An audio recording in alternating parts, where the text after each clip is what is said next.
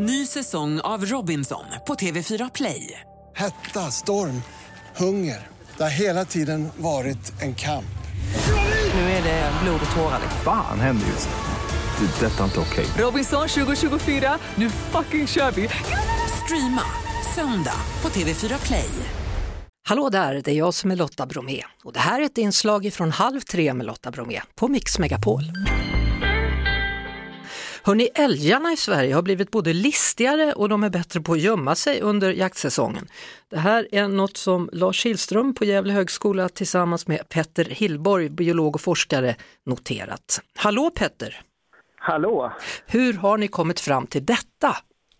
Ja, alltså att de har blivit smartare, det vet jag inte riktigt om jag vill, vill dra slutsatser så långt. Men det vi har gjort är att vi har ett antal kameror ute i skogen, så kallade viltkameror. Mm. Och ganska många, det är 45 stycken till att börja med. Den är utökat efter det. Och vi gjorde den noteringen att i slutet på september, då försvann djuren från de kamerorna. Det Ja, var inga bilder längre. nej. Och eh, från början trodde vi bara att det var fel på kamerorna, men när det är kamera efter kamera efter kamera och dessutom när vi börjar få bilder igen i januari, då är det ju någonting på gång. Och då undrar man ju, vän av ordning undrar, vart tog de vägen? Det är en jättebra fråga som jag inte har något, något absolut svar på. Nej. Vi kan bara spekulera. Jaha, vad, vad är spekulation nummer ett? Ja, alltså vi har ju fått indikationer i- ifrån flera områden. Nu ska jag säga att det här vi ser att, att de försvinner på kameran, det kan jag bara säga rör det område där vi faktiskt har kamerorna sitter. Mm, var är det då så att folk Det vet vart de... är, det är i västra Gästrikland, eller Ja. nordvästra Gästrikland. Så åk inte dit om du vill skjuta älg. Nej, kanske inte det. Nej, nej. Nej, nej men alltså e- e- en teori som finns är ju det att vissa älgar har börjat lära sig att under perioder dra sig närmare bebyggelse. Mhm. För att, ja det är lite säkrare där kanske för dem. Det här är ingenting som de kanske gör medvetet utan det är mer att vissa individer får det beteendet. Och i och med att av uppenbara skäl då de inte blir skjutna så kanske det beteendet får bättre fotfäste i populationen så att säga. Jag tycker du underskattar deras intelligens. Ja, alltså, jag är inte den som säger att inte, älg, alltså, inte andra djur än människan är smart. Det är kanske tvärtom. Det kanske vi är de som är dumma egentligen. Ja. Men eh, nej, absolut, det, det, det är mer till djuren i skogen än bara att de är djur och går och äter Ja. eller blir ätna. Men, men de här stackars älgarna, ibland händer det ju till och med att, att någon älg liksom irrar in sig i Stockholm. Det var ju någon som sprang i Vita bergen här på Södermalm och, och blev skjuten då, stackarn. Ja, Ja. den hade väl lite otur kanske. Ja, han hade väldigt otur kan man säga. Men du, Ja. vad, vad ska ni göra nu? Ska ni sätta ut fler kameror eller är ni klara nu? Ja, vi, nej, vi, vi har satt ut fler kameror. Ja. Eh, och jag kan säga att det här är ju inte någonting som var studiens primära mål egentligen överhuvudtaget. Utan, Utan- vi var mer ute efter att kart, alltså få en bättre uppskattning över storleken på älgpopulationerna.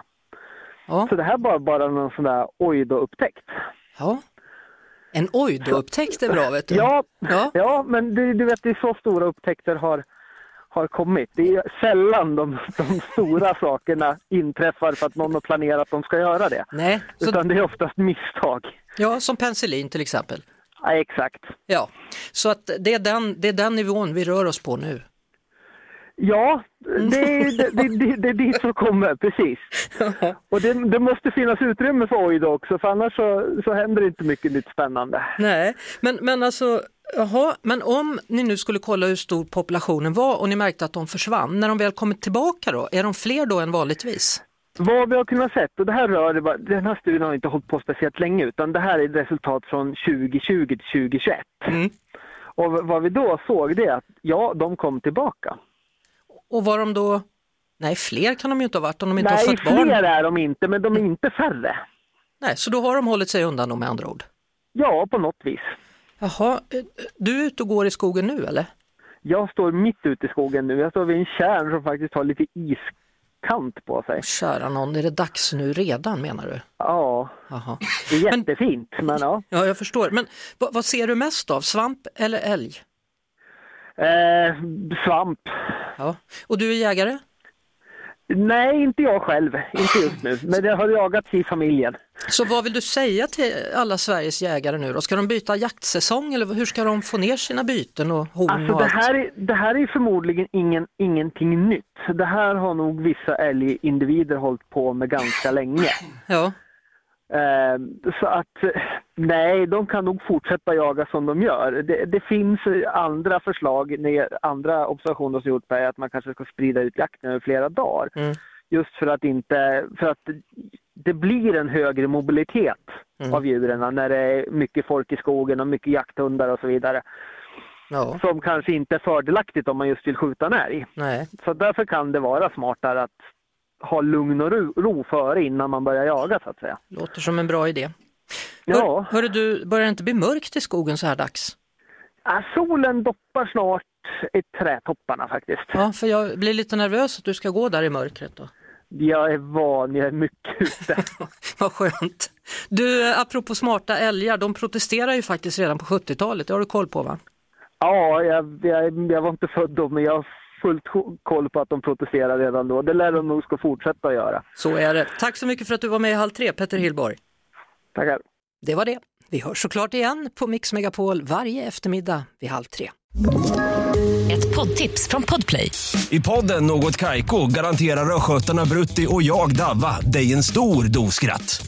Där följer jag pladask för köttätandet igen. Man är lite som en jävla vampyr. Man har fått lite blodsmak och då måste man ha mer. Udda spaningar, fängslande anekdoter och en och annan arg rant.